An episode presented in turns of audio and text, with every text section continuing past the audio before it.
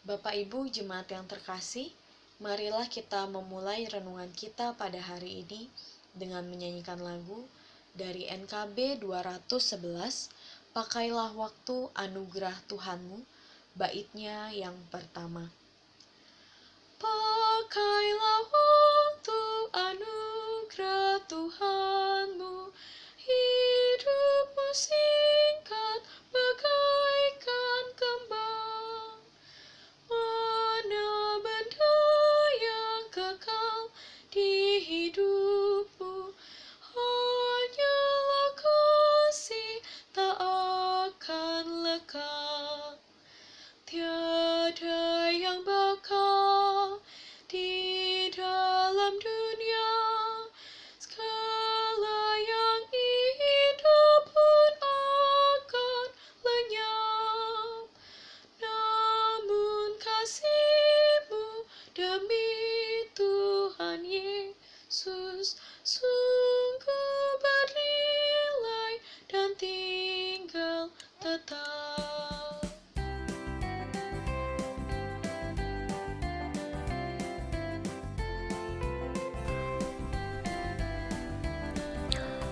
Ulangan 20 ayat 5 sampai 8.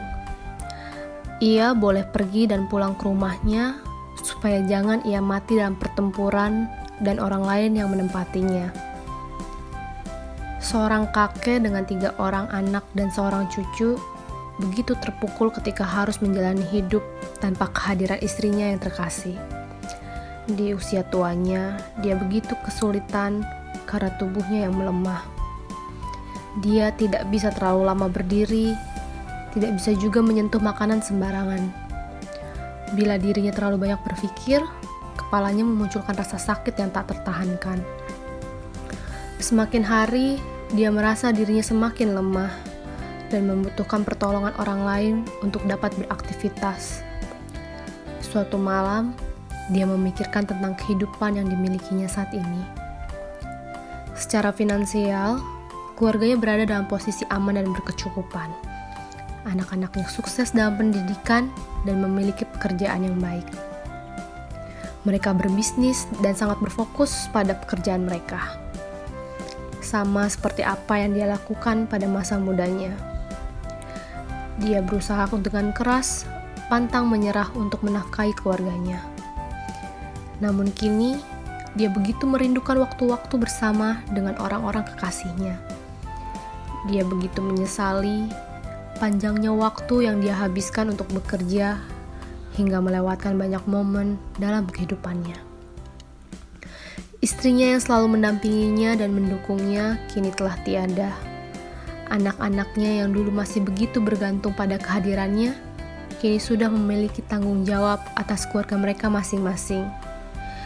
Dia terdiam dan berpikir apa yang sebenarnya dia cari dalam kehidupannya. Dulu, dia begitu fokus pada masa depan, mengejar yang kini dia miliki dengan berkelimpahan. Namun dia kehilangan waktu untuk berbagi cinta kasih dengan keluarganya. Kita tahu bersama bahwa manusia diciptakan dengan keterbatasan. Salah satu situasi batas manusia adalah waktu. Dalam kehidupan kita saat ini, mungkin kita sering terjebak dalam kekhawatiran dan rasa tidak cukup karena banyak dorongan sosial yang mengharuskan kita mencapai tingkatan-tingkatan tertentu. Motivasi itu lalu membuat kita terlalu fokus di masa depan, melupakan waktu untuk hidup di saat ini.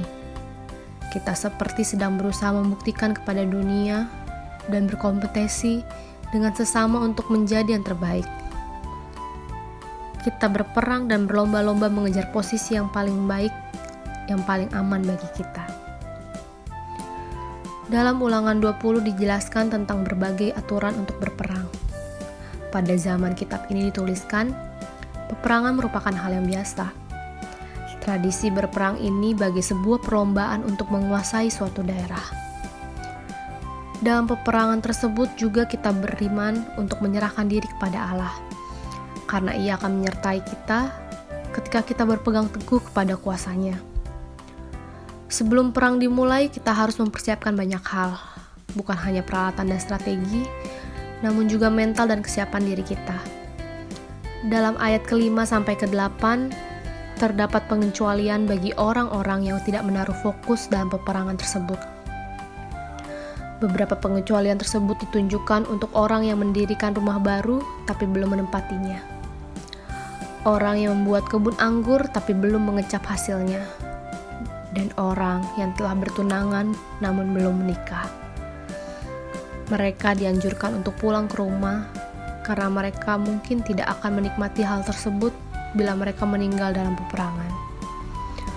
Orang-orang ini dinilai tidak siap dalam berperang bila kita perhatikan, hal-hal yang disebutkan mengganggu kesiapan tersebut adalah hal-hal yang berkaitan dengan kesukaan dan dapat menghasilkan penyesalan dalam kehidupan. Kembali ke rumah untuk menikmati apa yang belum sempat dijalani. Tentu saja, kebiasaan berlomba dan berkompetisi merupakan hal yang sudah ada sejak lama dalam kehidupan manusia. Tidak ada yang salah dengan berbagai ambisi dan motivasi kita untuk mengejar apa yang kita ingin dapatkan. Peperangan yang ada di hadapan kita saat ini tidak lagi berupa penaklukan wilayah atau kekuasaan, namun kita berperang melawan ketakutan kita untuk mengejar mimpi di masa depan.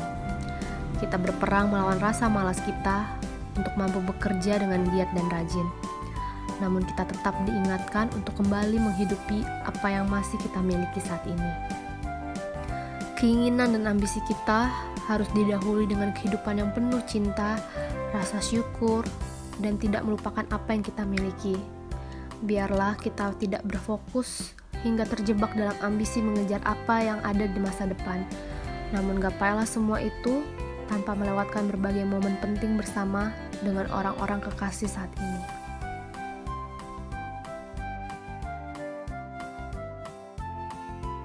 Mari kita berdoa.